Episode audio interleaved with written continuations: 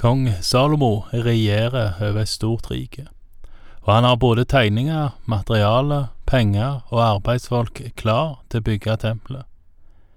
Og ikke minst, han har i motsetning til sin far, som òg hadde tegninger, materialer, penger, arbeidsfolk, så har òg Salomos Guds velsignelse. Gud vil være bygningsmann, så han ikke bygger til ingen nytte, eller forgjeves, for å referere Elias Blix igjen. Derfor går Salomo nå i gang. Vi leser fra første kongebok, kapittel seks, vers én. I det 480. året etter at israelittene var dratt ut av Egypt, i måneden Siv, som er den andre måneden, begynte Salomo å bygge Herrens hus. Salomo var da konge i Israel på fjerde året. Legg merke til at det her angis tidspunktet ganske nøyaktig, og da fra utgangen av Egypt. Det snakkes om 480 år. Hvis en trekker ifra 40 år i ørkenen, så kommer en fram til at de har vært i det lova landet, eller Israel, ifra, i ca. 440 år. Vi leser videre fra vers 2. Huset som kong Salomo bygde for Herren, var 60 alen langt, 20 alen bredt og 30 alen høyt. Forhallen foran tempelrommet var 20 alen lang, svarende til bredden av huset, og 10 alen bred. Den lå på forsiden. En alen er ca. en halv meter, så det enkleste er bare å dele på to. Tempelet var ca. 30 meter langt, 10 meter bredt og 15 meter høyt. Eller ca. 300 kvadratmeter i grunnflata, med andre ord, og høyere enn bredden. Vi leser videre fra vers fire. På huset laget han vinduer som skrånet innover. De var vide ytterst og smale innerst. Rundt husets yttervegger, både langs tempelhallen og det innerste rommet, reiste han et tilbygg, og der laget han siderom. Den nederste etasjen var fem alen bred, den mellomste seks alen bred, og den øverste sju alen bred. For han hadde laget avsatser omkring på utsiden av huset for å slippe å lage fester i husets vegger. Da huset ble reist, ble det bygd av steiner fra steinbruddet, ferdig tilhugget. Det hørtes verken hammer eller meisel eller noe annet verktøy av jern i huset da det ble bygd. Det er fascinerende å lese at tempelet ble reist uten at det bruktes meisel på byggeplassen. Steinene var allerede ferdig hogd til, og det var da bare å heise de på plass. En av påstandene Jesus ble dømt for i påsken, var at han sa han kunne rive ned tempelet og bygge det opp igjen på tre dager. Det var riktignok et annet tempel, siden det Salomo bygde blei revet når rikene falt. Men Jesus brukte dette bildet om at han var det nye tempelet. Dette bildet bruker Peter òg, når Peter i sitt første brev, kapittel to, skriver at Jesus er hjørnesteinen, og alle vi som ønsker å følge han, er levende steiner. Da er det kanskje sånn at òg vi som levende steiner, at vi òg allerede hugger til før vi skal bli en del av tempelet. Sagt på en annen måte, vi kan bli en del av tempelet, en del av Jesus akkurat sånn som vi er, uten videre tilpasning. Vi passer faktisk perfekt der vi er tiltenkt. Vi leser videre fra vers åtte. Døren inn til nederste etasje i tilbygget var på høyre side av huset. En vindeltrapp førte opp til den mellomste etasjen, og derfra opp til den tredje etasjen. Da Salomo hadde reist tempelbygget, tekket han det med bjelker og bord av sedertre. I tilbygget som han reiste omkring hele huset, var hver etasje fem alen høy. Det var festet til huset med sederbjelker. Da kom Herrens ord til Salomo, og det lød slik. Nå bygger du dette huset. Hvis du følger mine forskrifter, holder mine lover, akter på alle mine bud og følger dem, så vil jeg oppfylle på deg det ordet jeg ga din far David. Jeg vil bo midt blant israelittene og ikke forlate mitt folk Israel. Midt i arbeidet med tempelet kommer Herrens ord til Salomo, og her bekrefter Gud sitt løfte om alltid å være med. Igjen kan vi legge merke til at det er et betinget løfte, betinget av at Salomo følger Guds forskrifter, lover og bud. Det kommer vi til å lese at Salomo ikke klarer. Vi leser videre om selve bygginga fra vers 14. Så bygde Salomo huset og gjorde det ferdig. Han kledde veggene i huset innvendig med sederbord. Fra gulvet til takbjelkene kledde han dem med tre, og gulvet i huset dekket han med sypressbord.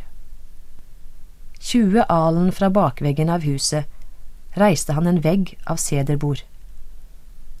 Den rakk fra gulvet opp til takbjelkene.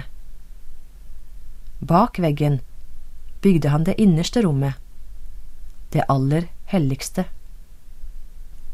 Tempelhallen foran det innerste rommet var 40 alen lang. Innvendig hadde huset utskjæringer i sedertre, av gresskar og utsprungne blomster. Alt var dekket av sedertre, ingen stein var synlig. Lengst inne i tempelet innredet han det aller helligste. Der skulle Herrens paktkiste stå. Dette rommet, som var 20 alen langt, 20 alen bredt og 20 alen høyt, kledde han med rent gull. Foran det innerste rommet satte Salomo et alter. Det kledde han med serietre. Sånn som jeg forstår det, så er husets dimensjoner oppgitt i indre mål, og det er en tredjedel av, av rommets lengde som da utgjør det aller helligste.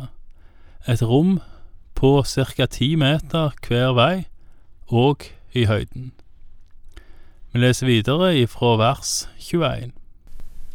Salomo kledde huset innvendig med rent gull. Han hengte gullkjeder foran inngangen til det aller helligste, og kledde det med gull. Hele huset kledde han med gull, fra ende til annen. Og hele alteret som sto foran det innerste rommet, kledde han også med gull. I det aller helligste laget han to kjeruber av oliventre. De var ti alen høye. Den ene kjeruben hadde en vinge som var fem alen, og den andre vingen var også fem alen. Det var ti alen fra vingespiss til vingespiss. Den andre kjeruben var også ti alen mellom vingespissene.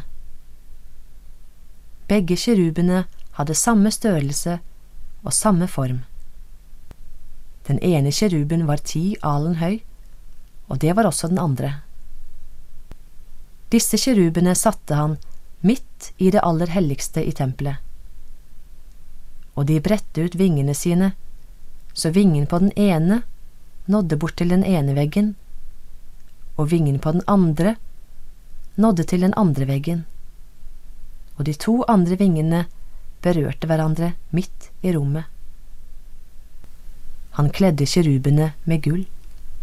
Kiruber er vel en slags engler eller guddommelige skapninger, det vil si, de er ikke Gud, men de er skapt av Gud. Leser vi hvordan paktkista og annet blei laga i Andre Mosebok, kapittel 25, så nevnes òg kiruber her. Da var de lagd to og en halv alen lange, men nå er de altså da ti alen lange, eller fem meter. De kiruberne som er lagd nå, er altså da fire ganger så store. Og kirubene i rommet er da kledd i gull. Vi leser videre fra vers 29. alle veggene i huset, både innvendig og utvendig, prydet han med utskårne bilder av kjeruber, palmer og utsprungne blomster. Gulvet i huset dekket han med gull både inne og ute. Som inngang til det aller helligste laget han dører av oliventre. Dørkarmene hadde fem avsatser. De to dørene av oliventre prydet han med utskjæringer av kjeruber, palmer og utsprungne blomster, og han kledde dem med gull. Han hamret ut gullet på kjerubene og palmene. Likedan laget han dørstolper av oliventre for inngangen til tempelhallen. Dørkarmene hadde fire avsatser. De to dørene var av sypresstre. Begge dørene hadde to halvdører som kunne svinges. Han prydet dem med utskårne kjeruber, palmer og utsprungne blomster, og kledde dem med gull som ble lagt jevnt utover utskjæringene. Igjen leser vi om ulike ting som blei laga, og noe av det som går igjen, er at det var kledd i gull. Og gulvet i huset dekkes med gull, leste vi i vers 30. Det må ha vært et vanvittig mektig syn. Vi leser videre ifra vers 36. Han bygde den indre forgården med tre lag tilhogget stein og ett lag sederbjelker. Grunnvollen til Herrens hus ble lagt i det fjerde året i måneden Siv. Og i det ellevte året, i måneden Bull, som er den åttende måneden, gjorde Salomo tempelet ferdig med alt som var i det, slik det skulle være. Da hadde han bygd på det i sju år. Og med den angivelsen av byggetid, som var ca. sju år, så avslutter kong, første kongebok sin historie om når Salomo bygde tempelet. Kanskje så kan en si at dette var toppen av Salomo si regjeringstid, og da òg kanskje toppunktet i kongetida i Israel. I alle fall inntil Jesus kom igjen. Takk for i dag, og Herren være med deg.